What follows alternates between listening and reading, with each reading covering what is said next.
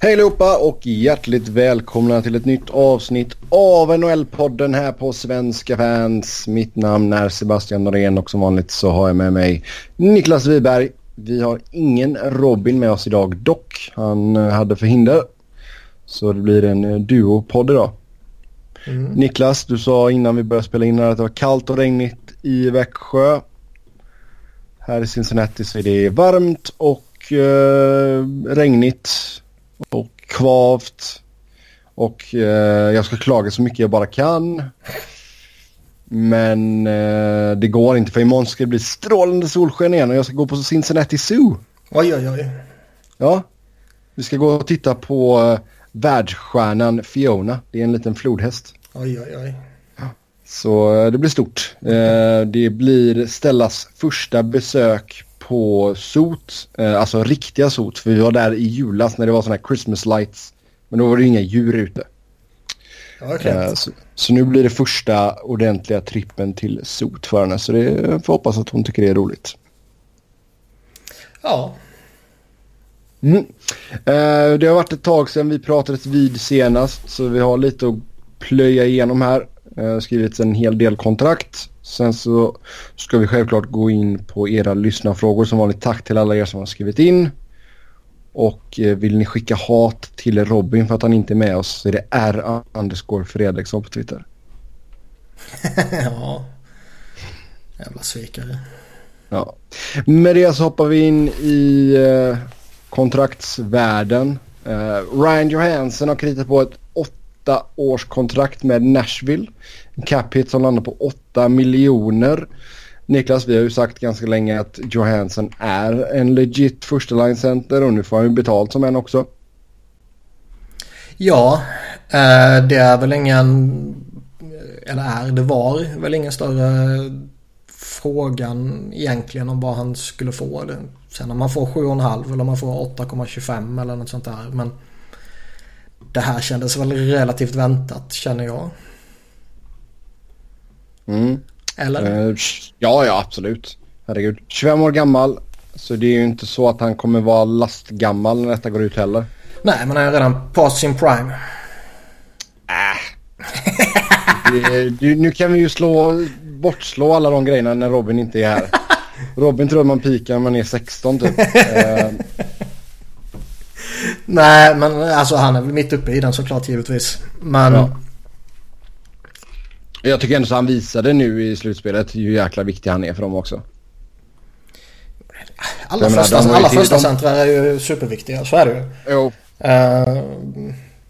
det är ju få förunnat att ha två första centrar liksom. Jo. Och givetvis kommer det märkas när en sån här spelare försvinner och i synnerhet när han är en del av en av ligans hetaste kedjor och när han då är en eh, utan att vara allt för hård mot de andra men så är han ju lite ensam i centerpositionen också. Mm. I Nashville. Och eh, har man då lite skadeproblem på lite andra centrar som det också var. Så är det klart att det där är ett jätteslag. Mm. Ja, det, blir det, var en, det var en stor anledning till att det gick som det gick, tror jag. Ja, Skulle det blir intressant att se. Slutet så. Det blir intressant att se nu i och med att man har tagit in Nick Bonino. Uh, för jag menar, du har ju Ryan som given första center. Sen går väl Bonino in som andra center, antar jag. Ja, det bör han väl göra. Sen har du Kalle Järnkrok som trea kanske. Ja. Och så en... Uh, ja, vem kör man som fjärde? Gaudreau eller? Ja, det kan det nog bli. Mm. Ja, det är spännande. Nashville Sissons kanske. Om inte de ska mm. ha han lite högre upp. Ja, det är sant. Ja, Nashvilles fönster känns vidöppet. Det får man ge dem. Ja, en liten... Uh, man ska väl alltid, hylla, eller vad säger man, lyfta ett varningens finger för målvaktsspelet. Pekkarinne är ju... Alltså, det han gjorde i slutspelet kan man ju inte bara sådär rakt av förvänta sig att han ska göra. Nej. Och eh, nyckeln för Preds. Jag tycker de har ett jätteintressant lag. De har grym backbesättning. De har en mycket bra forwardsbesättning. Och nyckeln är givetvis att Pekarinne håller ett år till eller att eh, Saros tar över. Mm. Jo, absolut. Det är, det är ju inte så att de kommer vara i några riktiga kappproblem här i de närmsta åren i alla fall. Nej, alltså kortsiktigt den här sommaren har de fortfarande drygt 5 miljoner capspace och har ingenting kvar att signa. Nej. Så man kan ju boosta Nej. lite till där om man vill. Och eh, långsiktigt så är det väl... Ja, jag kan ju inte hitta något som jag skulle uppleva som ett problem sådär. Craig Smith är väl inte direkt ligans bästa kontrakt om man säger så. Men skulle man behöva bli av med det tror jag att man löser det. Oh ja. I övrigt är det ju inga problem. Nej, man har ingen kvar, ingen kvar att signa som du säger för. Förutom Johansens kontrakt så eh, förlängde man ju även med Viktor Arvidsson. Sju år, 4,25 miljoner. Och Austin Watson, tre år, 1,1 miljon. Watson är väl inte så jävla spännande kan jag tycka. Men eh, Nej. Arvidsson är ju jävligt intressant. Just det här mm. att eh, man tar ett sånt relativt billigt kontrakt. Men han safear lite där tycker jag. Ändå. Alltså han gör väl en... Eh, någonstans kan man väl jämföra lite med vad Kalle Järnkrok gjorde. Ja. Att man safear upp med gedigen term mot att man tar lite billigare och... Eh, alltså, För det, jag menar, det är fortfarande gott om pengar liksom. Ja, och jag tror väl att eh, Arvidsson kommer fortsätta vara en bra spelare. Jag tror inte han är en one-hit wonder om man ska vara sån. Nej. Eh, utan jag tror att så länge han kan hålla den energin han håller och den skridskoåkningen och sådär, vilket han bör göra flera år tycker jag. Så bör han kunna vara värd betydligt mycket mer än det här. Mm. Men detta det är, är också en, alltså en 30 målsskytt och, och så vidare och 60 poäng och det är ju bra i dagens liga. Men visst, han kan ju fortfarande tro att ja, kan jag verkligen hålla den nivån och om jag inte spelar i första kedjan kommer jag hålla den nivån över flera säsonger. Och så vidare och så vidare. Så han kanske, ja, han safear helt enkelt. Mm. Jo, alltså även om han går och blir en 20-målsskytt så är ju inte detta ett jättedåligt kontrakt heller liksom. Nej, det så... här är ju ett jättebra kontrakt för Preds. Mm. Och jag menar han får fortfarande betalt. Jag menar det det är fortfarande riktigt bra med pengar. Så det är, det är inte så att han kommer gråta blod direkt. Um, nej, nej, fan 30 miljoner dollar. Ja, så... Uh, och jag menar, säg att det skulle vara så att Nashville av någon anledning skulle totalfallera. Och de känner att de måste, ja bara, nej, vi måste trade Arvidsson liksom. Trots att han har gjort 25 mål, vi måste trade honom. Så jag menar liksom, sitter han på det kontraktet också då. Med den capiten så skulle han ju vara hur intressant som helst för många, många, många lag. Ja, ja, det är ett jättebra kontrakt. Så det, det, det känns som en win-win för båda parter. Även fast han safear lite. Fast ja, jo det är, det är klar win för Nashville och så är det väl kanske en liten win för Arvidsson i så fall i och med att man säkrar upp mycket pengar över lång tid såklart. Men eh, mm. ja, han borde kunna få mer. Men sen är det väl den här risken då att eh, säga att Preds kanske inte var redo att skriva ett långt och dyrt kontrakt med honom utan ska han ha, ska han ha det dyra kontraktet får han vänta några år på det kontraktet och bevisa någonting på ett ettårs eller tvåårskontrakt och så vidare. Men eh, risken finns ju alltid att någonting händer. Man klappar igenom, man blir skadad eller sådana där saker. Och den genomsnittliga NHL-karriären varar ju inte jättemånga säsonger. Nej. Så får, Nej, får man... Alltså det Får man de här pengarna och den här termen så ja, det kan nog vara rätt svårt att, att inte safea upp på det. Mm. Det enda är väl att han inte har gjort några det är inga bonusar i kontraktet utan det är liksom lön alltihop. Det är mm. samma lön under samtliga sju år. Ja, det är lite udda. Det känns inte som att det sker. Nej. inte på sådana här långa kontrakt. Nej, men det var väl samma på, jag menar Järnkroks var väl också Jo men det var Nej, han, två miljoner han, för fan. Jo exakt. Men hans uh, salary den går faktiskt lite upp och ner under kontraktet. Ja, men så, två miljoner det räknas ju knappt. ja.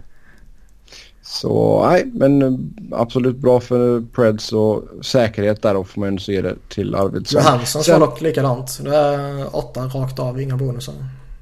Mm. Alltså jag förstår ju att lagen så mycket som möjligt vill undvika bonuskontrakten nu. Med tanke på att allt pekar på att det blir en till lockout liksom. Jo. Så det kan man ju ändå så köpa från deras front. Men hade jag varit spelare så hade jag ju, alltså speciellt om man var en ganska, eh, som Johansens fall och även Arvidssons fall, han är en ganska framträdande spelare i laget. Då hade jag mer och mer krävt att jag ska ha sign- sign-on-bonus i åtminstone den säsongen. Ja, eller så finns det alltid folk som känner att eh, jag får tillräckligt mycket pengar ändå. Mm. Det är nobelt av dem. Ja. Ja, jag hade inte varit så snäll. Eller så kanske det var en förhandling att ja, vill ni ha maxkontrakt så får ni ingenting av det. Vill ni ha bonusar får ni nöja er med kortare kontrakt. Mm. Alltså det kan ju... Man kan ju vrida och vända fram och tillbaka. Ja, sen så Mike Fisher tackar för sig. Eh, han var ju sådär, vad ska vi säga?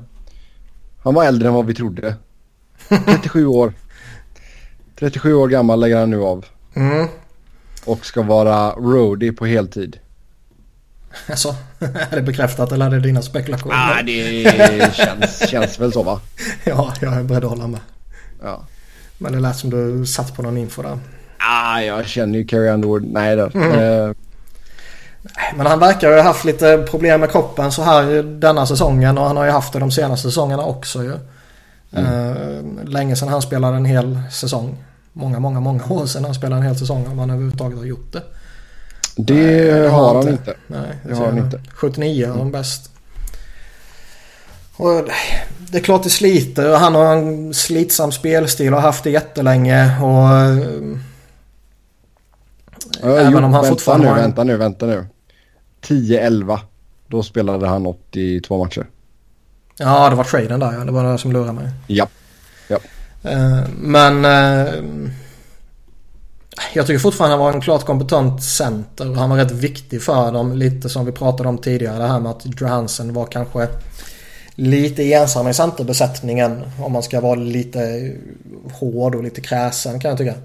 Men eh, Fisher var ju en viktig del så tillvida att han var någon form av bra mm, mellansteg under Johansen eller vad man ska säga.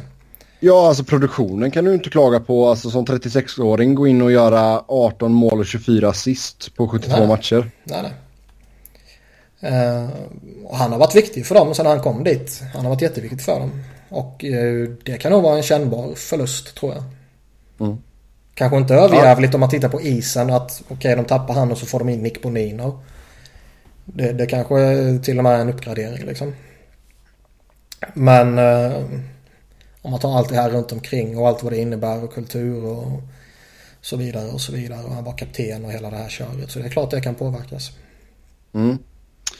Vem- Vi har fått in en lyssnarfråga angående detta. Vem tror vi kommer bli nästa kaptenen för Preds och även assisterande i och med att Neil lämnar ju för, eh, eller blev ju plockad av Vegas i expansionsdraften. Vem som blir kapten? Uh, det känns väl som att Ryan Johansson kan nog ligga bra till. Roman Josi kanske.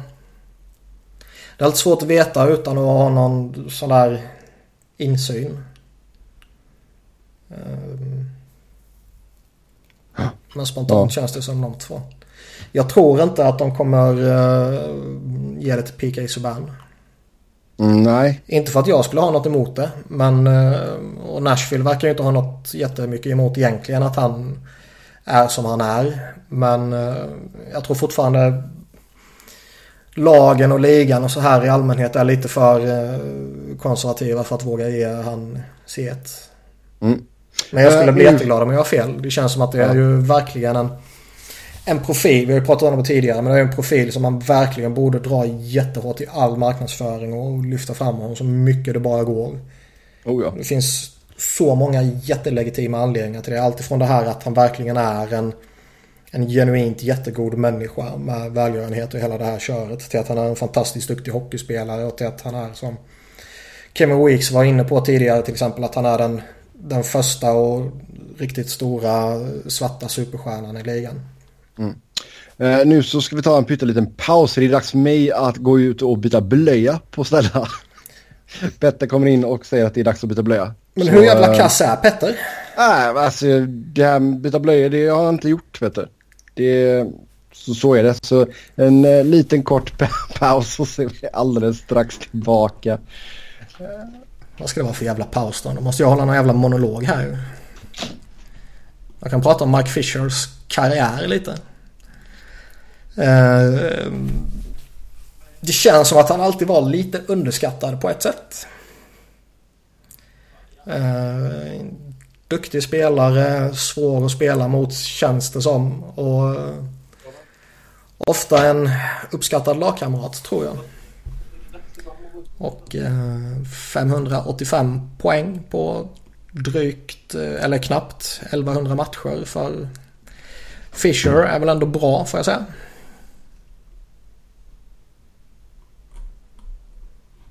I övrigt vet jag fan vad jag ska säga om honom. Ingen superstjärna på något sätt. Har vi någon eh, fråga i chatten jag kan ta så länge?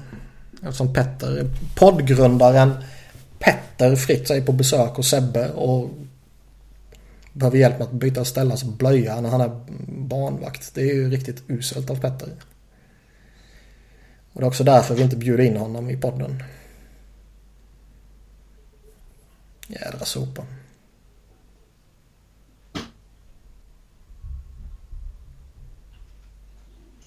Ingen fråga i chatten. De måste sitta och snacka skit fortfarande alltså. Vi kan prata om hur fenomenal Nolan Patrick är om ni vill. Det är alltid trevligt. Räknar iskallt med att han utan några som helst problem tar hem Carl Trophy och eventuellt Hart Trophy. Ehm, gå in där som middle six center bakom Giroud tillsammans med Couturier. Det är sexigt.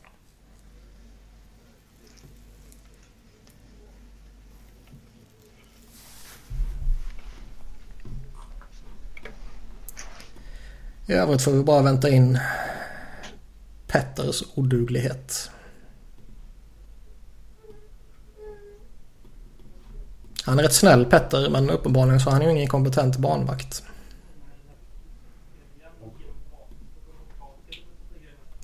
Lyssnar man noga hör man hans panikartade röst i bakgrunden. Sådär. Hej! Jag har snackat Hej. skit om Petter. Okej, okay. ja visst. Och sen hyllade jag Nolan Patrick och så pratade jag lite om Mike Fisher och så snackade jag lite skit om uh, Petter. Igen. Okej. Okay. Ja, sådär. För, liksom full, circle som man brukar säga. ja. Yes, då går vi vidare här efter vår lilla blöjbytespaus. Och eh, Carolina har signat ett sexårskontrakt med Brett Pesh. Eh, capiten landar på just över 4 miljoner. Ja, de har ju en bra... Först och främst, säger man Pesh eller Pesci? Det är bara Emil som vet.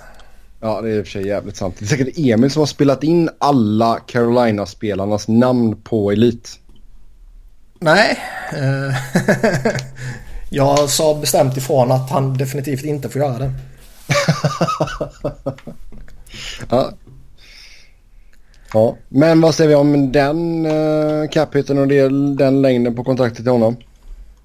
Nej, men jag tycker han är bra. Han har kommit in här och gjort två bra säsonger för Keynes. Och de har ju som vi pratade om förra avsnittet var det väl när vi pratade Jacob Slavins kontrakt. Mm. Eller var det till och med förrförra? Jag minns inte riktigt nu när det varit lite tid mellan dem. Ja. Men de har ju en intressant backbesättning och eh, han är ju definitivt en del av kåren där. Och eh, de har ju inte en enda gammal spelare i försvaret vilket är lite eh, skoj om man är en av tre Keynes-supportrar i Sverige typ. Mm. Jo, det är ju TVR och Dahlbäck som båda är 26. De är Ja. äldst. Liksom. Ja. Sen är det Justin Falk på 25. Uh, Slavin 23. Pesh. Jag kommer kalla honom för Pesh. 22 och så Hannifin då 20. Jag säger Brett för att vara säker. Ja. BP kan vi kalla honom. Nej men de har ju något bra där ju. Eh, och har ju ytterligare unga på gång underifrån också. Och eh, jag tycker väl det här är ett fair kontrakt för honom. Ja. Ja, det blir ju uh, som sagt den här säsongen, kommande säsongen här nu då, då har man ju en extremt billig back backuppsättning. Sen så blir det ju lite dyrare då nästa kommande säsong 18-19. När, när Claes Dahlbäck ska ha sitt stora kontrakt ja. Exakt. Klabbe ska upp rejält där med, upp med pengarna. Nej mm. men alltså då har du ju att BP går upp till 4, Slavin går upp till 5,3 och sen har du fortfarande då Folk på drygt 4,8 och sen Hannefin ska göra nytt också nästa sommar. Jajamän. Så ja. Enjoy while it last, Emil. Fast de har ju fortfarande unga backar på, ja, de på uppgång som kommer med entry level kontrakt också. Så det där kommer inte vara något problem för dem. Nej. Om de inte har en intern budget, vilket givetvis kan ställa till problem. Mm. Florida fick ju kapa kostnaderna denna säsongen till exempel. Jo men går, alltså om man har en intern, alltså, även om du har en intern budget liksom, går du och signar Justin Williams för 4,5 i två år liksom. Då, då har man nog ganska gott ställt ändå tror jag. Jo men den där, det är ju snack om ägarbyte och grejer och så kommer det in en ny ägare och så kanske budgeten förändras. Mm. Får man ju se till att han har dög. Ja, pröjsar han 500 miljoner för äh, jävla klubben så får han se till att ha deg för helvete. Ja. Och vi kan ju lägga till att man även betalar Alexander Semin 2,3 miljoner ytterligare fyra år. Så fick vi in den också. Japp. Uh, sen uh, Jack Eichel och Buffalo diskuterar förlängning på åtta år. Ja, det förvånar väl ingen. Men Niklas Wiberg, hur mycket ska Eichel få betalt? Jag tycker väl att han ska ha mycket betalt. Snackar vi norr om 10 miljoner? Eller ska han har han bevisat tillräckligt mycket. För det känns att även fast han var jäkligt hypad så har han ju inte gått in och dominerat på det sättet som eh, vi sett eh, McJesus göra. Fast det är rätt tufft om man ska jämföra alla med McDavid. Oh ja. Oh ja. Jag tycker, visst det har varit lite problem kring honom men jag tror mer det är kopplat till vilken omgivning han har varit i och vilka lagkamrater eller kedjekamrater han har haft och, sådana saker. Och den här säsongen är, ja, var han ju jättebra. Ja absolut, det var ju synd att han fick eh, början skadan där. Ja. Och han är nästan point per game under de här 61 matcherna och jag tycker verkligen han såg jättebra ut när man såg Sabres. Så jag skulle inte vara rädd för att signa upp honom på ett långt och dyrt kontrakt. Men någonstans känns det väl som att ska han upp på över 10 som du frågade om där i början. Det känns väl som att... Ah, ska han verkligen det? Så om jag säger 8 gånger 8? Ja, det kanske är något uh, fair. Då är han fortfarande bäst betald liksom. Han, han, det här är ett intressant fall annars för om han ska ha det här stora kontraktet som alltså upp mot tvåsiffrigt och en bit över där och så vidare så så känns det som att han behöver bevisa lite mer tror jag. Mm. Och då kanske han skulle gynnas av att ta ett kortare kontrakt här nu och bridgea ihop skiten på något sätt. Men eh, å andra sidan får du 8 gånger 8 på bordet så är det rätt eh, svårt att undvika att ta det tror jag. Ja. Ja, det är sant. Han går in på sitt sista år på sitt entry level-kontrakt så uh, det finns fortfarande tid.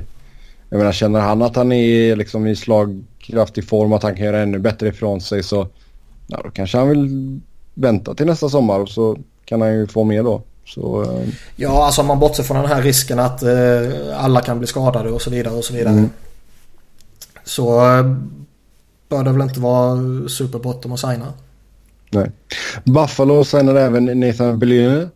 Två år, 2,4 miljoner och Robin Lehner fick ett ettårskontrakt, 4 miljoner. Ja, eh, Lehner var väl tämligen givet när det inte kom någon annan på Free Agency där känns det som. Ja. Jag vet inte, eh, jag minns inte riktigt vad som ryktades där runt omkring på Free Agency och strax innan men eh, med tanke på att det tog så här lång tid med Lehner så känns det som att de tittar på andra alternativ där och då.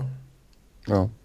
Sen kanske de fortfarande mm. kom fram till att uh, de tittade på Elliot och de tittade på Mason och de tittade på uh, trada till sig Smith och sådana här saker. Allt det som skedde där. Men kom fram till att nej, det som är aktuellt för att betala det då får vi ut mer av Lener. Men då kanske han å andra sidan försökte spela lite hårt tillbaka.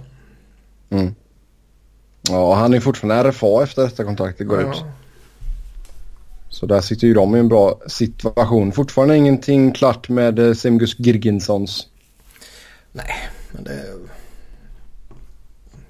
känns inte som det är någon panik där heller. Nej. Mm. Sedan har vi New York Islanders. Uh, Adam Pelech. Eller Pelech. Uh, fyra år 1,6 miljoner och Calvin Dehan. Ett år 3,3 miljoner. Mm. Uh, de, gjorde, ja, de skyddade en massa spelare i expansionsdraften. Eller massa, massa backar. Och gjorde deals och grejer och allt sånt här. Så uppenbarligen så värderade de sina backar högt. Och eh, ja, de committar ändå lite på Pellers här till exempel. Jo men varför skambjuder man Dahan? För där läste jag att man hade varit riktigt... Ja, jag minns inte exakt vad som sades där men det var väl också lite... Uh, det snackades lite när han har signat det här att ja nu kommer de tappa han om ett år för att han, nu blev det de ovänner och grejer men jag vet inte. 3,3 är väl fortfarande rätt bra betalt för vad han bidrar med. Mm. Ja, han går ju och bli UFA efter detta och även Thomas Hickey blir ju UFA efter den här säsongen. Så eh, ja, vi får se helt enkelt med Islanders där. Det skulle det vara så att Tavares försvinner så är det nog många andra som kommer att överge det skeppet. Ja, då kanske han är lycklig på att sitta på ett ettårskontrakt. Ja. Kan han hänga med Tavares vart han nu går. Mm.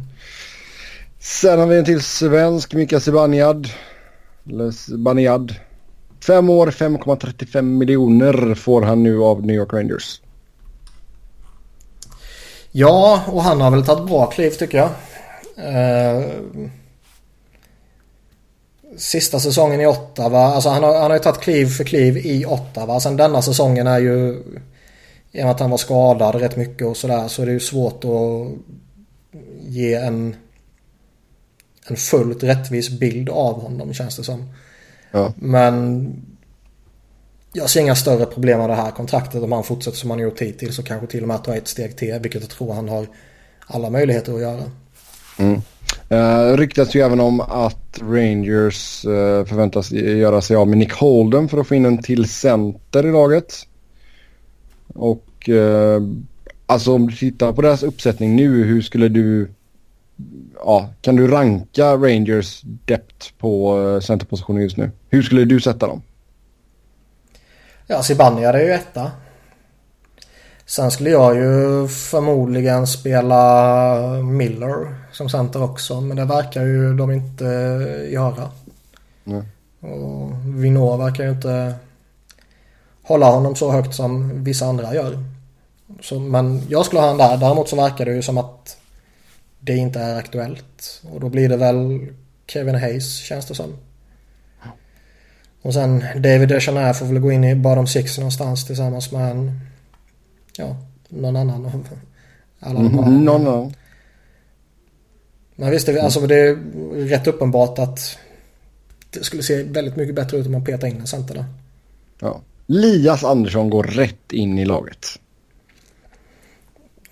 det, man kan ju inte... Det är inget man ska förvänta sig men man kan ju inte döda den spekulationen omgående liksom. Nej, inte just nu hur det ser ut om de inte får in en till center. Nej. Eh, men det, någonstans känns det som att de, de kommer skaka fram någon center på något sätt. Sen blir det väl ingen uh, Wayne Gretzky de tar in direkt utan det är ju... Man får hitta någon över blev en bit någonstans.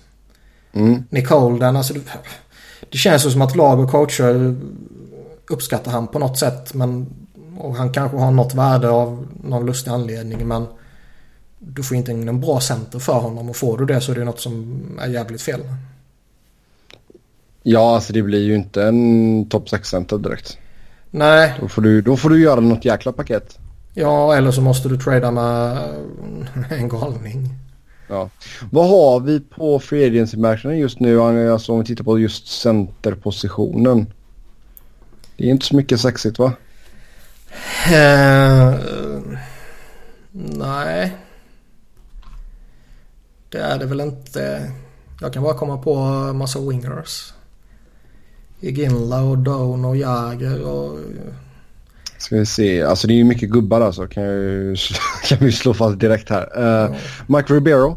Ja men han har uh, gjort sitt ju. Brooks Leach. Uh, John, John Mitchell. Ja. Jamie Clement. Joe Vitale. Ja. Ryan White är typ yngst med sina 29 år. Du märker ju själv. Uh, Henrik Samuelsson. Ja, du märker ju vilka alternativ det är. Mm. Det finns ju... Man kan ju fortfarande hitta några vettiga spelare och det är ju synd och skam och skandal att Jagr inte signar den. Men ska du ha en bra center så är det ju inte på free agency du ska leta. Nej. Nej, det är sant. Boyd Gordon är tillgänglig också. Mm. Um, så ja. Det blir spännande att se hur Rangers löser den biten faktiskt. Men um, Nick Holden som den stora trade-chippen där. Ja. Ja. Mikael Granlund signade ett treårskontrakt med Minnesota, eller en treårsförlängning ska jag säga, med Minnesota. 5,75 landade hans cap hit på. Känns ju lite som någon mini-bridge ändå får man ju säga. Även fast det är tre år istället för det normala två. Extremt tråkigt. Mm. Att eh, de lyckas signa honom på det här kontraktet. Fan, någonstans börjar man, jag ska inte säga att det är en trend i ligan för det är det väl definitivt inte. Men någonstans börjar man ju kunna se några sådana här stora spelare signa kortare kontrakt nu.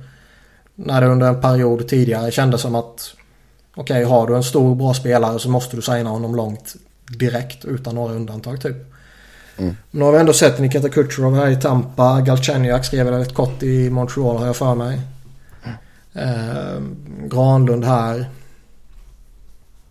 Ja. ja, alltså det, och vi kan ju ta, man signade ju också Nino Niederreiter och honom signade de alltså på 5 år 5,25. Mm.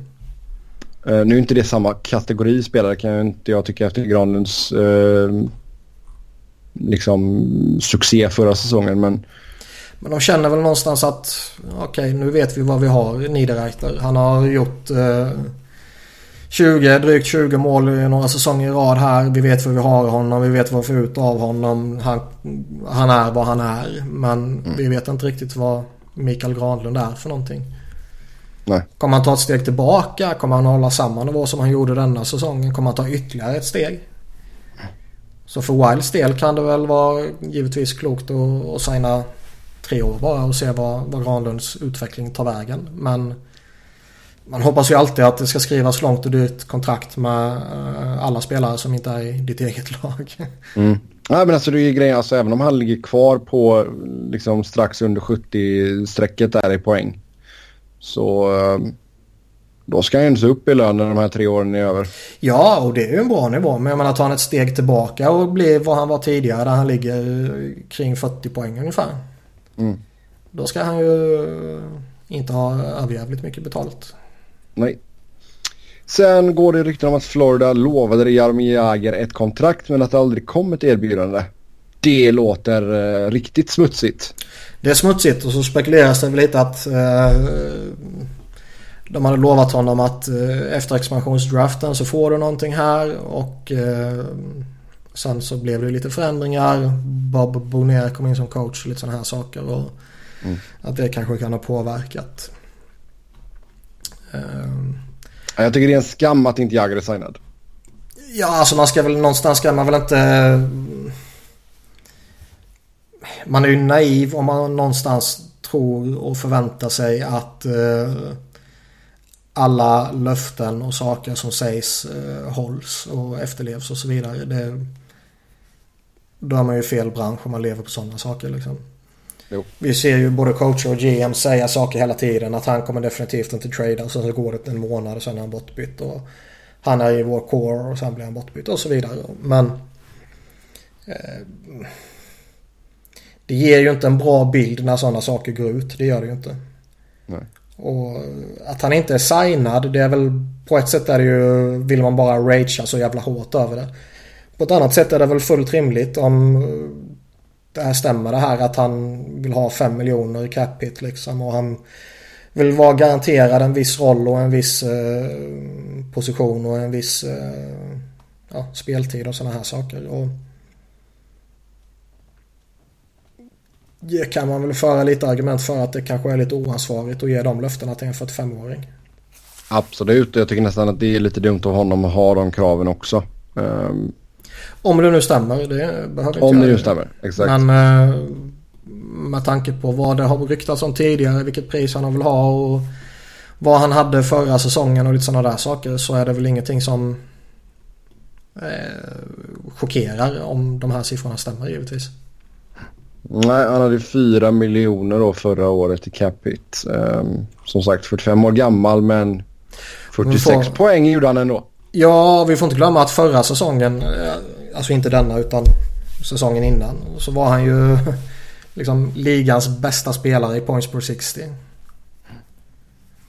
Som 44-åring. Ja, det är så jäkla fint. Det. Och det Sen är det väl lite så här att hela ligan går ju mot väldigt mycket speed. Och det är ju skoj för det är roligt att titta på. Men eh, det talar ju lite emot Jaromir Jäger. Oh ja. Och då, då var det en, alltid folk som spekulerade. Då kommer han passa in bra i San Jose och han kan passa in jättebra i San Jose. Eller så blir det kanske så att man egentligen bara har råd att ha en som spelare i sitt lag. Och de har redan Joe Thornton. Ja. Eller så får du sätta uh, han bredvid Thornton och så någon som är en riktig speedkula. Mm. Fast man vet aldrig det. Alltså det så får den spelaren göra det jobbiga jobbet. Ja. Jo, men ja.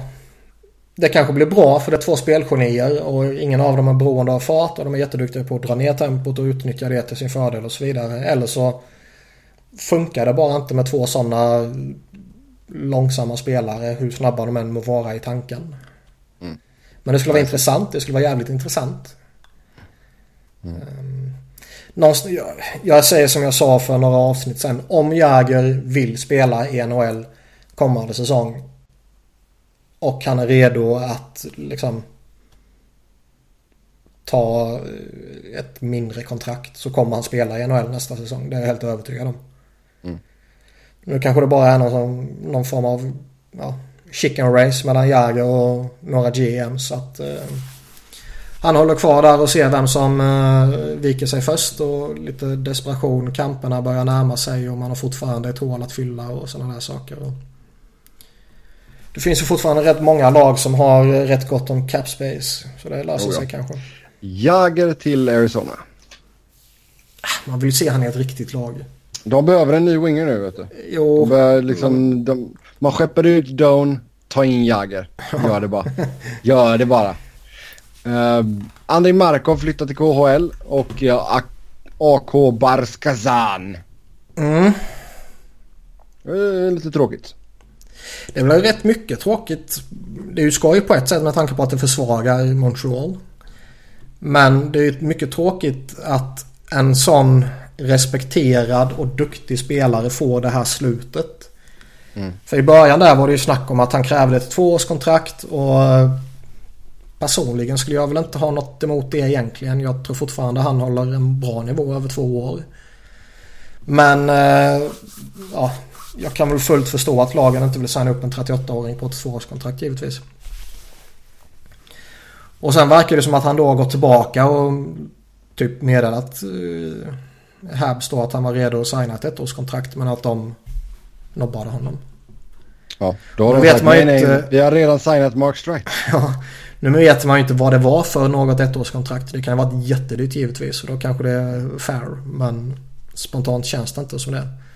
Nej. Och det är alltid lite tråkigt då när eh, en sån där snubbe som har dedikerat hela sin karriär till det här laget och som jag tror är lite i det stora hela så tror jag att han är lite underskattad om man pratar eh, liksom den här generationens bättre backar.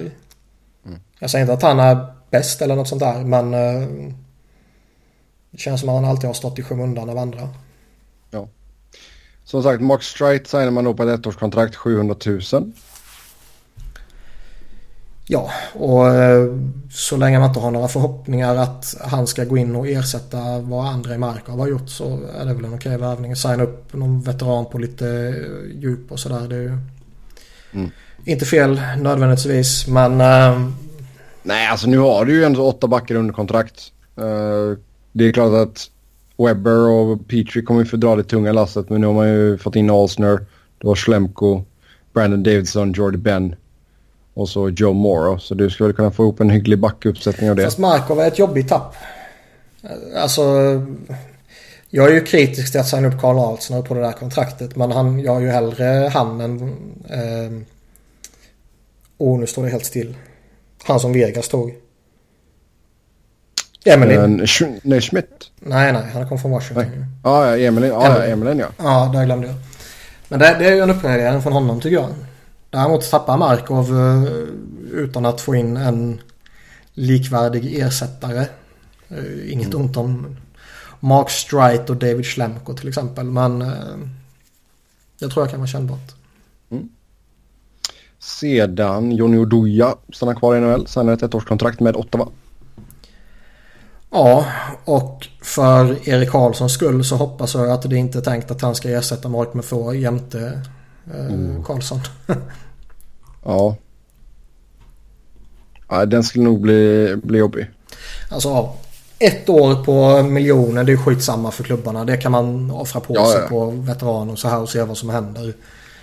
Han kanske gör en helt okej okay säsong och så vidare men han har inte varit bra mot slutet. Han har fallit av rätt hårt tycker jag.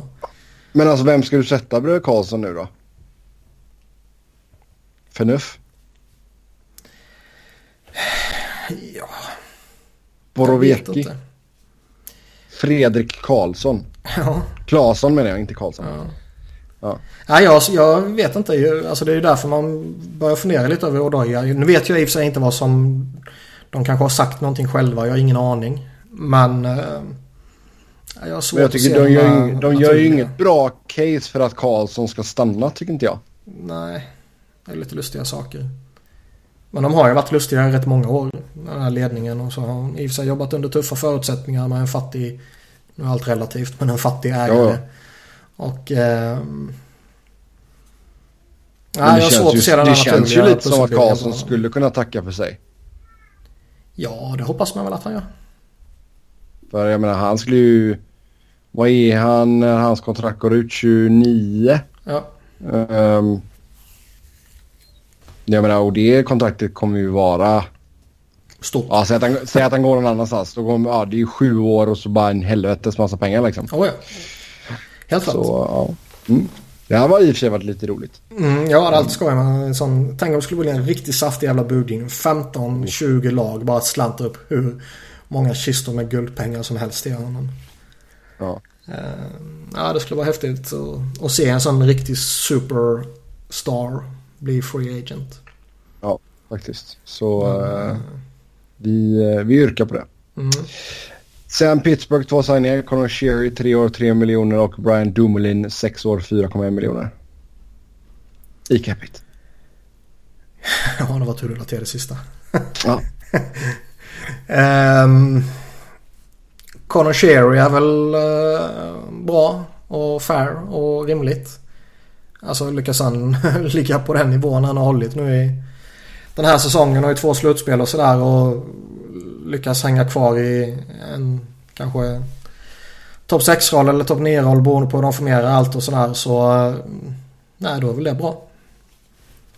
Och eh, Brian Dolan är jag väl lite mer tveksam ställd till.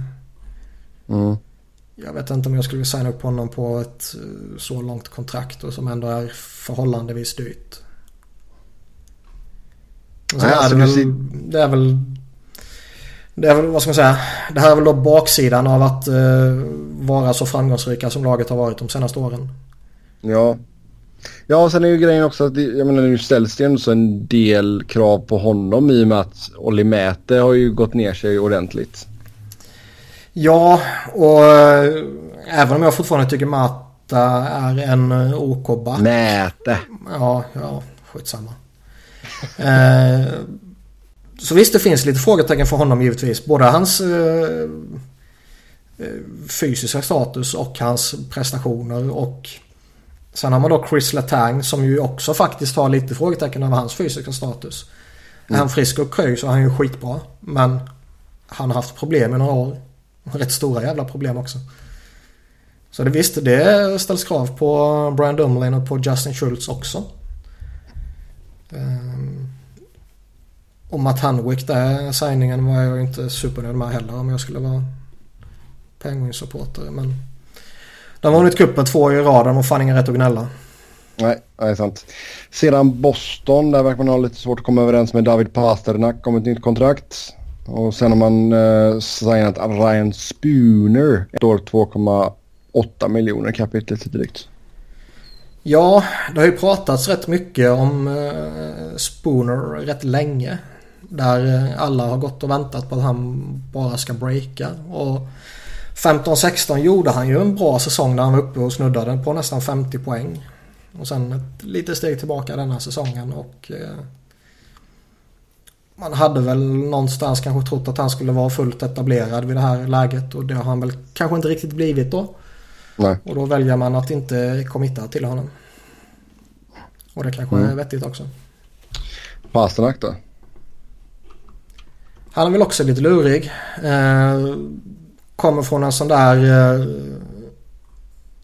eh, smyg överjävligt bra säsong. Mm. Där han nästan är point per game och, och liksom högt upp i poängligan och sådana här saker. Och då ska man givetvis få hur mycket pröjs som helst. Men sen är det väl som vanligt då att eh, en ung spelare, han har bara varit så överjävligt bra i ett år. Ska man verkligen bla bla bla. Um, och det är väl det som drar ut på förhandlingarna känns det som. Ja. Att Boston kanske inte vill committa långt och dyrt på honom. Men han vill ha långt och dyrt och så kommer man ingenstans. Mm. Om du skulle sätta ett värde på Pasternak idag då? Vad skulle du vara komfortabel med att ge honom? Ja, jag vet inte. Men... Eh, alltså lyckas Boston signa honom på 6 gånger 6 så tror jag ju de är... Eh, eller tycker jag de borde vara väldigt nöjda med det. Ja. Sen är det väl det här man... De kanske försöker det här gamla klassiska som vissa lag kör ibland att eh, ja du är duktig men du kan inte tjäna mer än vad Bergeron och Marchand gör. Mm. Ja det är sant. Mm. Sedan har vi Connor Hellebuck. Ett år, 2,25 miljoner med Winnipeg Jets. Mm. Uh, lite upp till bevis för Hellebacken då får man ju säga. Ja, det är det väl. Samtidigt så uh, om Steve Mason prickar rätt i Winnipeg så... Då är Hellebacken backup. Ja. Och då kan han... Uh, Mason är ju inte den målvakten som spelar 70 matcher som vissa målvakter gör vissa säsonger. Men Alltså Helleback kommer ju få många matcher. Men mm. det var ju inte jättelänge sedan man såg honom som Jets stora framtidsnamn i, på den positionen då givetvis. Mm. Och eh, de förhoppningarna har väl fått sig en liten törn. Absolut. Men visst får de någonstans en 1A, 1B situation med Mason Helleback så kan ju det både kortsiktigt och långsiktigt vara superbra. Mm. Ja, fortfarande RFA efter detta kontraktet går ut också. Ja. Så, Målvakter kan ja. ta lite tid på sig och sådär också. Så det... mm. Sen det här tycker jag är ett väldigt intressant kontrakt. Colton Pareko, fem år, 5,5 miljoner. Jättebra för Blues. Ja, alltså det är en sån jävla homerun. Mm. Jag är väldigt förtjust i honom. Jag tycker han är jätteduktig. Och eh, känns som att han är bra på typ allt. Eh, visst, man kan alltid önska att han kanske skulle gjort lite mer poäng. Eh, alltså omkring 35 poäng för eh, en toppback om man säger så är i minsta laget. Han borde göra lite ja. mer. Men å andra sidan har han varit fast bakom uh, Shattenkirk och Pietrangelo i deras depth då ju. Så mm. Det kan ju ha sina naturliga förklaringar också. Ja, alltså det är ju det är inte så att man sticker ut hakan direkt om man säger att han kommer nå åtminstone 40 poäng den här säsongen. Nej, inte alls. Nej. Men så, ja, det jag gillar Robin var där att vi kunde gjort något bett. ja, men det, ja, vi behöver ta några smutsigare bett med honom. Jo, han ska ju fortfarande få sitt straff för det gamla Coyotes-bettet från två säsonger sedan också. Ja. Men äh, jag är förvånad att, äh, att de fick honom på ett så bra kontrakt faktiskt. Mm. Alltså han, är ju fort, han, är for, han, är, han kommer ju fortfarande vara i en okej okay ålder att få bra betalt när detta går ut. Så oh ja. det, det är ingen, uh, ingen vad heter det, en brådska så sett. Men du köper ju ändå, du köper ju ändå så, vad blir det, tre? UFA ja, liksom är han 29 då när han får nästa kontrakt så uh, det är en jävla skillnad att signa nytt med en 29-åring eller en 33-åring. Mm. Alltså det, det gjorde de jäkligt bra. Ja. Nu får vi ge dem.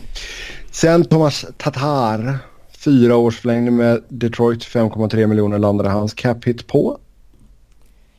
Det var också lite tråkigt för det var mycket snack om det här att om det skulle gå till arbitration och de inte skulle kunna enas om ett långtidskontrakt och sådär så skulle, skulle han spela ut det där ettårskontraktet och sen lämna så fort det bara gick. Och ja. Man önskar ju Detroit olycka.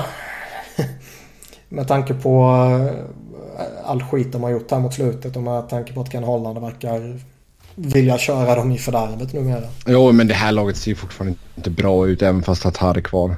Nej, nej, nej. Det är inte så jag menar. Men eh, när det här sker i lag så vill man ju att de bra spelarna ska lämna. Ja, jo, det kan jag köpa. Ja. Och eh, det är ju det syftet jag menar. Mm. För Tatar han har ju varit bra här de senaste åren. Mm. En av de bättre målskyttarna i ligan om man pratar 5 mot 5 mål. Ja, men jag menar du är fortfarande fast med Kronvall. Du är fortfarande fast med Eriksson. Um, jag menar, vad har du framåt egentligen? Ja, du får fortsätta hoppas på Dylan Larkin, Anthony Manta och den jävla greken som jag inte kan säga efternamnet på. Uh, så jag menar liksom, det är ju, ja, det här är ett lag som kommer fortsätta ta steg bakåt. Jag Svenska menar, fans har inget Mike, emot greker vill jag bara påpeka. Nej, nej, absolut det är ett jobbigt... Athanasiasu eller något sånt där. Um, det är bara ett jobbigt efternamn för mig att säga. Jag, jag älskar Grekland. Älskar Grekland. Underbar uh, mat och helt okej okay sprit också. Så det, uh, det, det är klart att de de, har ju, de kommer inte göra någonting så liksom. Nej. Men... Och jag menar, kommer ens, kommer, tror du Mike Green ens kommer vara kvar säsongen ut? Alltså det är svårt att säga med Detroit för de... Alltså säg att antingen Jimmy Howard eller Mrazek beroende på vem som blir första keeper. Säg att de bara går och gör en jättebra säsong så kan ju Detroit mycket väl alltså, utmana med slutspelet plats in i slutet. Ja. Och gör de det så kommer de inte börja sälja av. Nej, nej.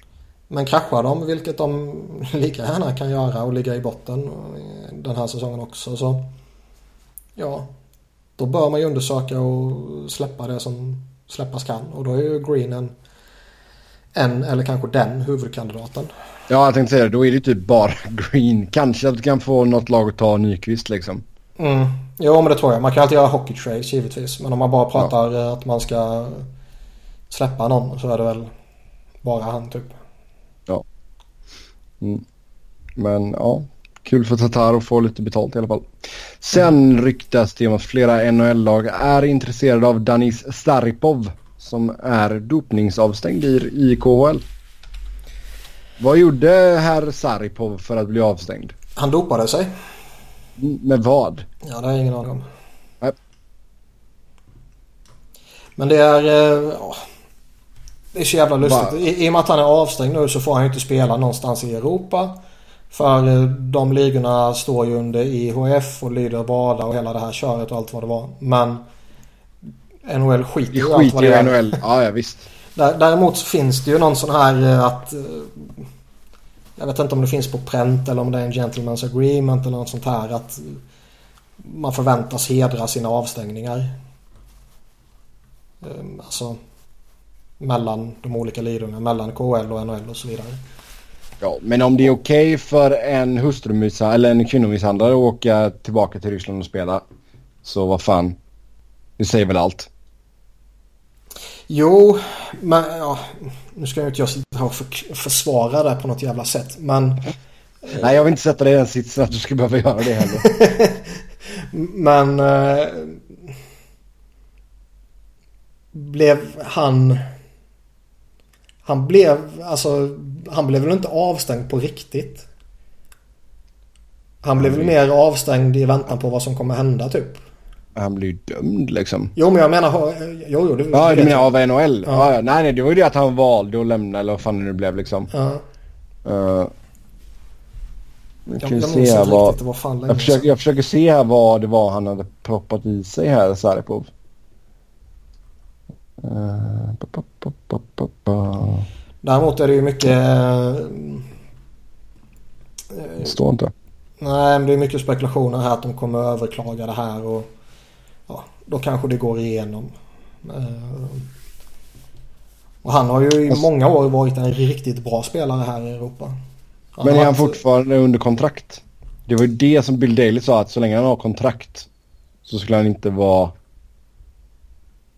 uh, eligible att spela i NHL. Ja, det, jag har inte följt KHL så noga så jag vet inte om de har rivit det eller vad som har hänt. Jag, jag vet faktiskt inte. Men han har ju varit jättebra jättelänge. Mm. Och eh, håller ju fortfarande en rätt bra nivå och har ju varit i ryska landslaget i många VM-turneringar. Han spelar inte OS och sådana här saker också. Så det är ju, under många år har det varit en väldigt bra spelare. Och en sån där Mm. spelare som man känner att fan det var ju synd att man aldrig fick se honom i NHL. Ja, för han har ju så gott att bli 36 år gammal nu liksom. Ja, och det var inte riktigt som 36-årig dopingavstängd man ville se honom i, i Ja, NHL. alltså utan det- det, ska vara det hade hans nog- prime i så fall. Det är en väldigt speciell eh, situation om du går in och gör och, som 36-årig rookie. Mm. Det är lite coolt kan jag, kan jag ju så säga. Sen är det synd att det skulle komma på grund av en dopningsavstängning liksom. Men uh, Det känns lite som att... kör bara. Nej, jag, jag gillar det inte. Blir, blir, liksom, blir man avstängd i en liga för doping. Då, då klingar, Alltså, det då klingar det för illa för NHL-lagen att sända upp honom. Sen är det så många saker som NHL-lag och, och många stora idrottsföreningar givetvis. De skiter ju fullkomligt i vad som händer så länge det är en bra spelare. Och Los Angeles, detta hemska jävla lag, är ett typexempel på det ju. De backar Voinov och dumpar Mike Richards liksom. Ja, det verkar ju som att det har varit någonting med något, något bantningspiller här i alla fall. Var, Så, eh, var det Colotre käkade väl, eller skyllde Ja, väl på exakt. frugans bantningspiller var det va?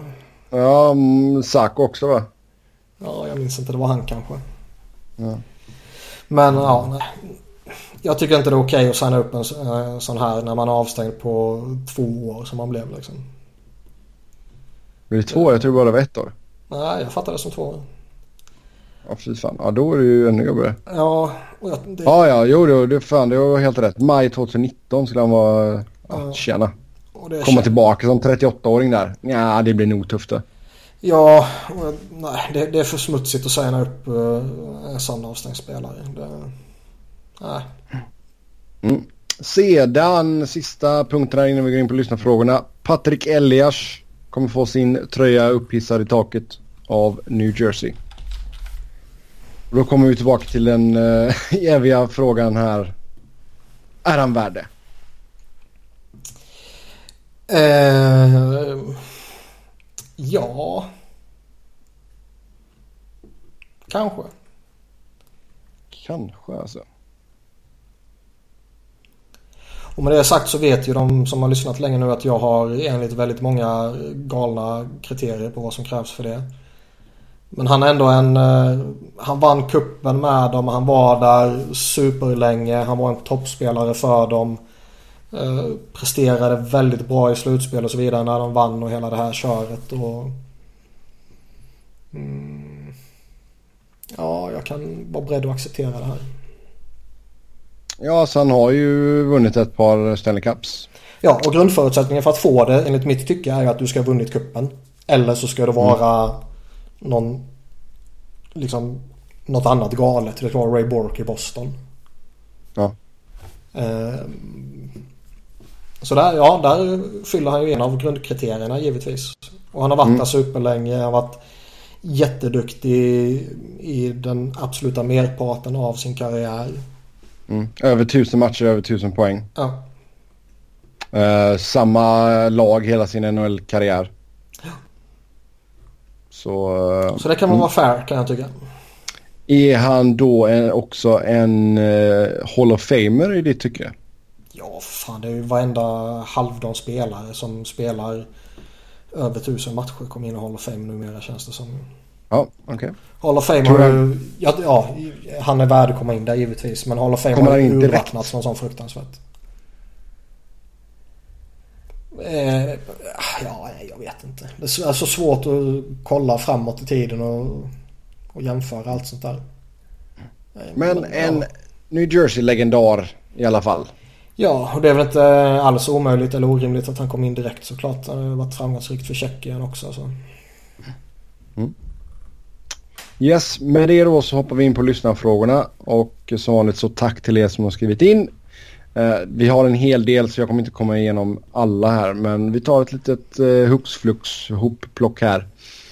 Uh, vi fick en fråga om Jager uh, som jag tyckte var lite rolig. Uh, Jager, vad händer? Har hans hemliga läkarjournal läckt ut där det står att han egentligen är en björn som han har rakat och lärt prata? Vi har ju redan pratat med Jager men jag tycker den här frågan var ju lite fyndigt ställd så kände att det var värt att läsa upp den i alla fall. ja, jag vet inte om det finns så mycket nytt att säga än vad vi redan har sagt om honom. Nej alla vill givetvis att han ska spela. Han är ju uh, übercool. Mm. Men uh, han kanske behöver sänka sina krav lite. Mm. Vem har snyggast skägg? Burns ser ut som, en ren, som ett renodlat grottmongo i sitt.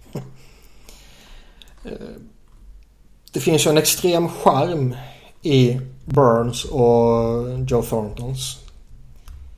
I att kunna... Ja fast de ser ju inte bra ut. Nej men det finns en charm i att kunna bära upp det där odrägliga på ett... Uh, på ett vettigt sätt. Ja. Uh, och det kan de ju. Ja. Den som har finast skägg är ju annars helt klart Sean Couturier. Med hans tandlösa flin och det fina skägget. Så, äh, då ser han gullig ut. Mm. Radko Gudas ser bra ut också. Alltså ja, Godas kan jag hålla med dig. Han ser, alltså det passar ju inte honom. Mm, han ser farlig ut med det. Patrick Eves har ju också den där grottmännisko-auran. Nej, han har lite... Nej, det tycker jag inte. En grottmänniska-aura är ju när man har det extremt jävla ovårdat och spretigt och sådär. Men både Godas ja. och Eves har väl relativt... Fan det... Vårdat. Har han det? Ja, om man jämför med Burns. Ja, men det okej. Okay. Men Burns ser ut... Burns och Thornton ser ut som att de varit hemlösa i 15 år liksom. Jo, jo, men jag menar någonstans är det väl de som då är typexemplet på vad det är för någonting.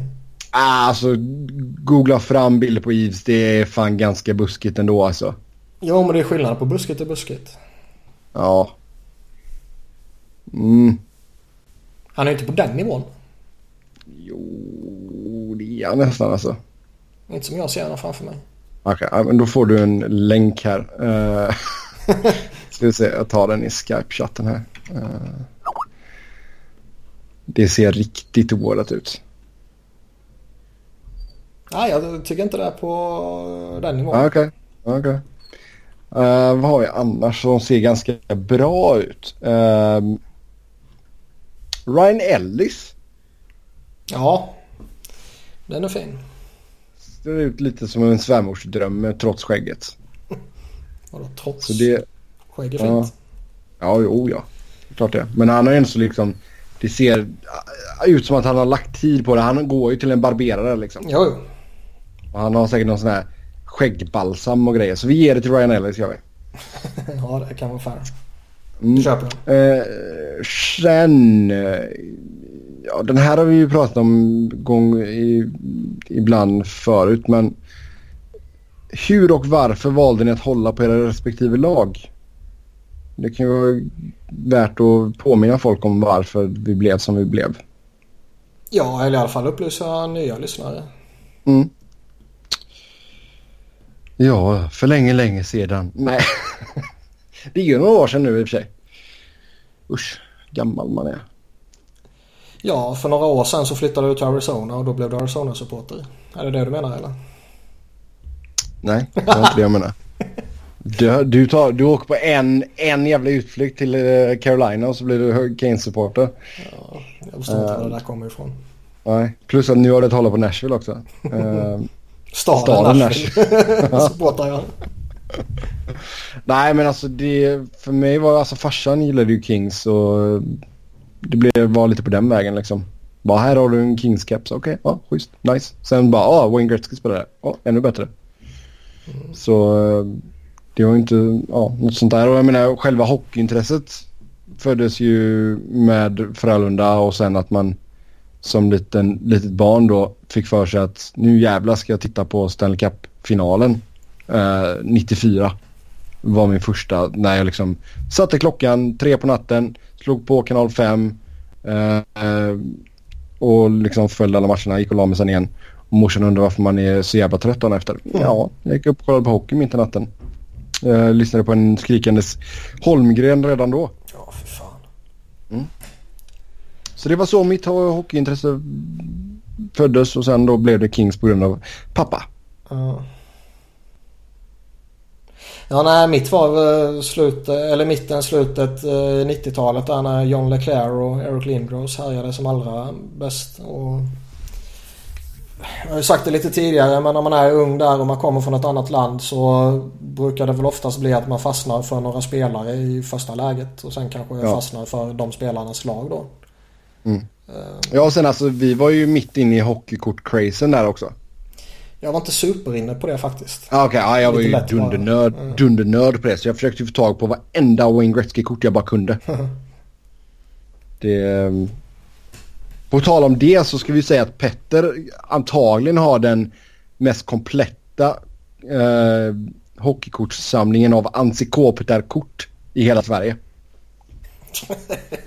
ja, de var jävla nischad... Uh, Extremt nischad. Ja. Extremt nischad samling. Men det är, ja trots det liksom. Så ja. Sen eh, ska vi se, nyfiken på er bakgrund inom idrotten. Vad har ni varit, spelat, involverade, ledare och i så fall vilken sport? Eh, ja, som liten så spelade jag fan nästan allting. Det var handboll, det var fotboll, det var hockey, det var basket. Eh, det som jag liksom körde längst var ändå basketen och fotbollen. Eh, basketen, då spelade jag ett ganska bra lag dessutom. Så det var jävligt roligt för då vann vi ju grejer. Trots att jag inte var bra. uh, så vann vi skit. Så det, det var ju kul på det sättet. Uh, fotbollen höll jag på med. Ja, vad fan var vi? Uh, U18. så det var ju fram tills det. Sen blev jag assisterande tränare för vårt lag en, en sväng. och sen så, ja. Sen jag flyttade över hit då så blev det ju att då la man ju ner allt sånt. Typ. Jag tog några... Man kunde signa upp sig för fotboll och spela lite liksom, på skoj sådär. Men inget, inget seriöst längre. Mm. Mm. Nej, jag spelade, jag gjorde en massa olika idrotter när jag var liten och sådär. Sen spelade jag fotboll till jag blev 22, 23 kanske. Något sånt där. Uh, varit tränare efter det och varit seniortränare, ungdomstränare i sportgrupp och allt sånt här och pluggat Sportchef? Lite olika... Nej, sportgrupp. Okay. Inte ensam ansvarig utan en del av. Så. Pluggat lite olika saker, lite olika mm, idrottsvetenskapliga saker och lite olika utbildningar och sådana saker. Aldrig spelat Co hockey. Co-sportchef då? typ. Ja. Det är fint. Nej, alltså min, min hockey... Det var inte länge jag spelade hockey. Det var bara typ tre... Ja, det var typ tre år tror jag. Var jättedålig målvakt kan jag säga. Ja, det kan jag tänka mig. Mm. Ja, jag har aldrig spelat. Jag har bara lirat sådär på vintern på uh, spolad is så att säga. Utomhus när jag var liten. Ja. Uh, ja. Pingis spelade jag ett tag också. Ja, det gjorde jag bara sjukt, eh, vad ska man säga, Dålig. konstig sport. Nej men det är en konstig sport att spela organiserat tycker jag. Ja. Faktiskt. Eh, nej, pingis är jag helt okej på faktiskt. Det är jag fortfarande eh, okej okay, skulle jag säga. Det är, nog den, det är nog den sporten jag är bäst på idag, i dagsläget i alla fall. Ja. Jag behöver inte springa så jävla mycket. mm. Det är väl det. Eh, vad har vi mera här? Kommer lönetaket att hålla i sig i all evighet eller kommer spelarna att säga ifrån och vilja ha marknadsmässiga löner som i fotboll? Alltså generellt sett när vi snackar alltså, sport i Nordamerika då är det lönetak som gäller. Så jag tror inte att det kommer försvinna. Nej, däremot är det väl eh, Travis Jost på TSN. Mm. Som alla för övrigt givetvis borde följa på Twitter. Han är uh, väldigt intressant, skriver väldigt många intressanta saker. Ja, fast jag tycker han kan vara lite neggig på Twitter. Då har du helt missuppfattat vad Twitter ska vara till för. Mm, det är inte bara för att vara negativ, jag tycker jo, inte det. Jo, Nej. Jo. det, vi måste få in lite mer positivitet och lite mer kärlek alltså. Alltså jag, jag förstår väl vad du menar men jag håller inte med dig. Och eh, de syftar jag på vad du sa om Travis Jost, inte om det sista. Men han, han, är jävligt skarp i alla fall, han är duktig och han eh, drog ju iväg något resonemang kring det här att man borde ha eh, soft cap är det väl det kallas. Där eh, man har rätt att gå över capen som det är typ i basketen. Mm. Att du går att över... du får betala ett straff liksom. Ja, du går över kappen och så tror jag det var att går du över kappen med 5 miljoner så får du liksom betala 5 miljoner i kompensation typ. Jag för mig det var samma summa. Men, men något sånt då liksom att okej okay, du går över men då får du pröjsa. Och sen då visar han ett exempel på att typ alla NBA-klubbarna är över ändå och betalar för att vara över. Um, och så drog han en jämförelse till om det skulle kunna funka i NHL och det kanske inte skulle funka men någon eh, lösning liknande det tror jag är mer sannolikt än att man skrotar lönetaket. Mm. Jo, absolut. För lön, alltså i all evighet, vem fan vet hur det ser ut år 2317? Jo. Men... Eh, Spelar de rymdhockey? men i överskådlig framtid så känns det ju lite som du säger där i nordamerikansk proffsidrott så... Ja, det är ett lönetak. Mm. Sen kan man ha olika lönetak. Det kan vara hard cap och soft cap och sådär. Men... Eh, jag tror snarare det är mer sannolikt att vi ser en, en ny form av lönetak än att de skrotar lönetaket. Mm. I synnerhet som ligan har så stor makt och de verkar vara väldigt eh, eh, bestämda i att de vill ha den. Ja. Eh, varför hatar så många Babcock? Vad har han gjort? Bevisligen en grym coach men hans assholeness verkar avskräcka många spelare. Ja, han verkar ju vara... Alltså Mike Babcock har ju en sån här My Way or the Highway auran. Ja, han är lite så och sen verkar han ju vara extremt... Eh, kräver extremt mycket och han... Eh, om man får tro vissa spelare så verkar han ju kanske inte hålla sina löften och han säger vissa saker som han sen inte lever upp till och så vidare. Men... Eh, det kan ju vara lätt för en spelare också att när man har blivit petad så bara börjar man skylla på coachen istället för att... Nej, jag kanske var kass. Jo, det är klart. Men han, ja, han verkar vara jävligt hård. Han verkar vara svår att ha att göra med. Extremt krävande. Och, och, allt som kan ha med det att göra. Och Detroit är väl det klassiska där då. Så länge du vinner så står du ut med det. Mm. Alltså gå tillbaka. Alltså typ urexemplet på den tränaren är väl Mike Keenan. Allt vad han höll på med. Han uh, hatade allt och alla, skällde på allt och alla och uh, liksom han ska ju ha sågat itu klubbor i förväg för att kunna knäcka dem över låret för att visa sitt uh, hur arg han är utan att skada sig själv liksom.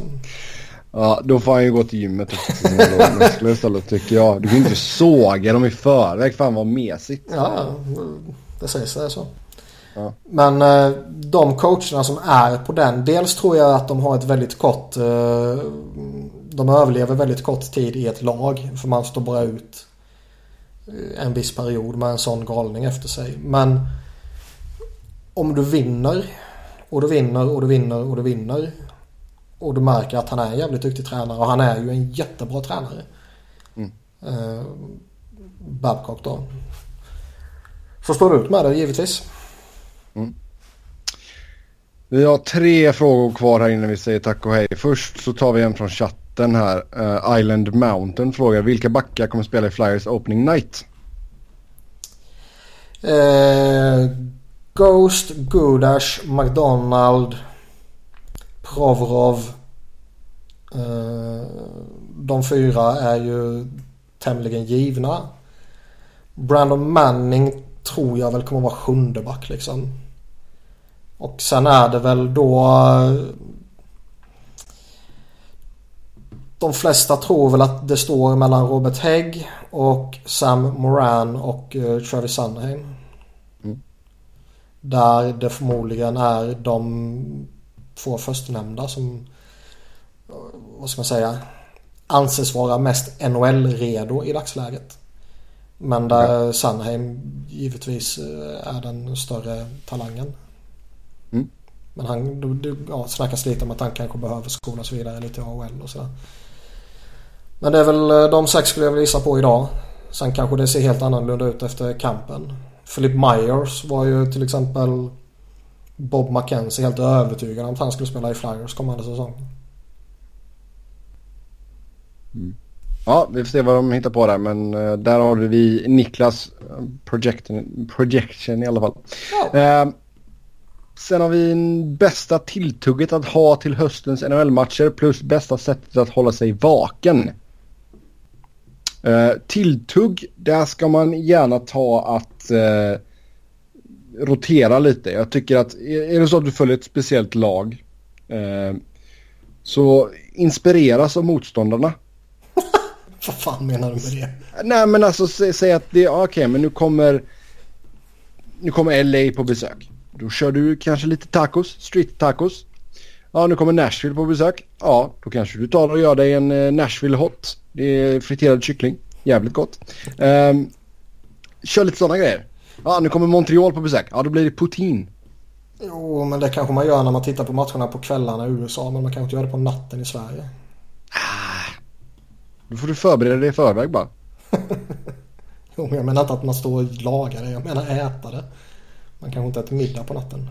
Nej, det är precis sant. Uh, I så fall så ska det vara snacks. Trailmix är ganska gött. Ja, men man kan inte äta det varenda natt.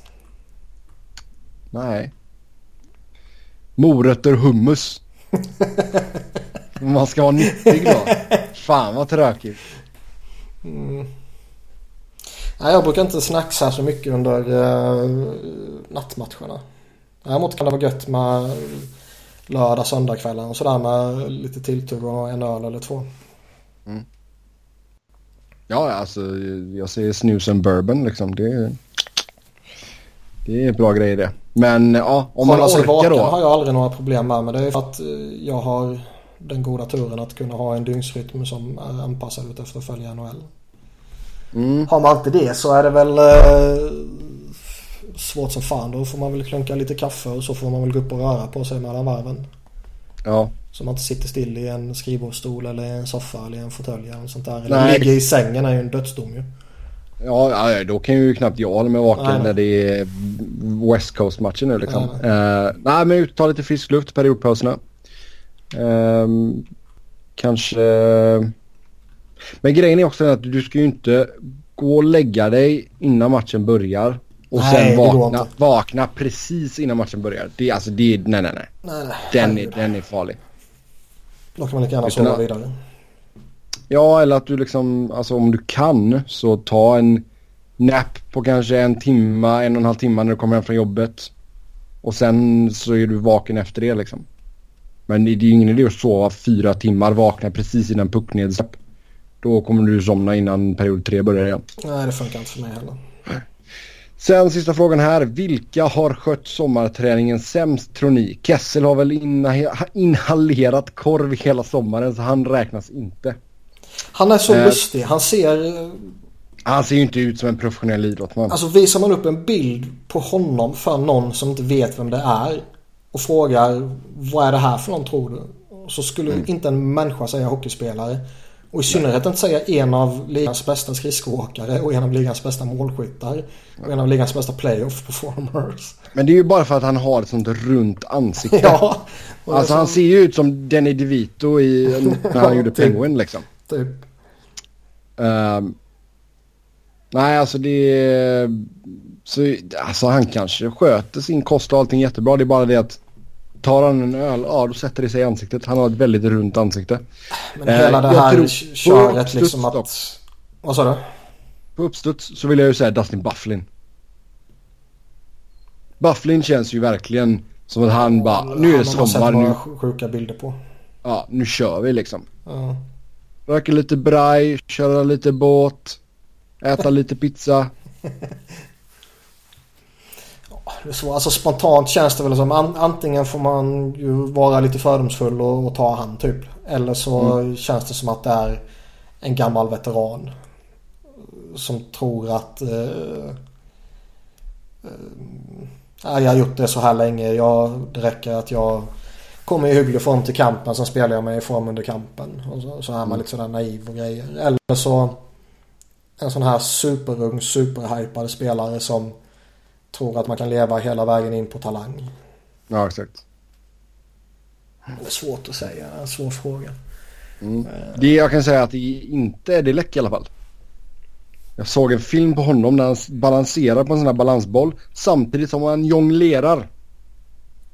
Nej men det kanske är trickfilmat. Det kanske är det enda han har gjort hela sommaren. Ja, det spelar ingen roll för då har han en grym jävla core alltså. ja. Det är bra att ha som målvakt. Men de, de flesta fattar ju att man måste underhålla och bygga upp på hela det här. En stor del av sommaren givetvis. För att inte säga hela sommaren nästan. Men... Eh, det är svårt. Jag, jag, tror ju inte det som... Alltså, det är ju garanterat inte som det var förra om åren när de eh, förfaller under sommaren och eh, bygger upp sig under kampen. Nej, en sån här två månaders lång spritfest. Liksom. ja, typ. Nej, nu, nej, det, nu, det nu kommer de ju i form till kampen. Och sen bara fine-tuna lite. Mm. Alltså Dustin Bufflin säger vi helt enkelt. Med det så säger vi tack och hej för den här gången. Som vanligt så kan ni köta hockey med oss via Twitter. Mig hittar ni på @sebnoren. Niklas hittar ni på att Niklas Wiberg, Niklas med C och enkel V. Och som sagt, era hatmail är underscore Fredriksson. Ja, så kan jag uh, avfölja honom samtidigt. Mm. Blocka honom också. Ja. Uh, och sen, uh, ja, svenska fans är ju ät svenska fans helt enkelt. Så det är ju lätt att komma ihåg. Tills nästa gång, ha det gött. Hej.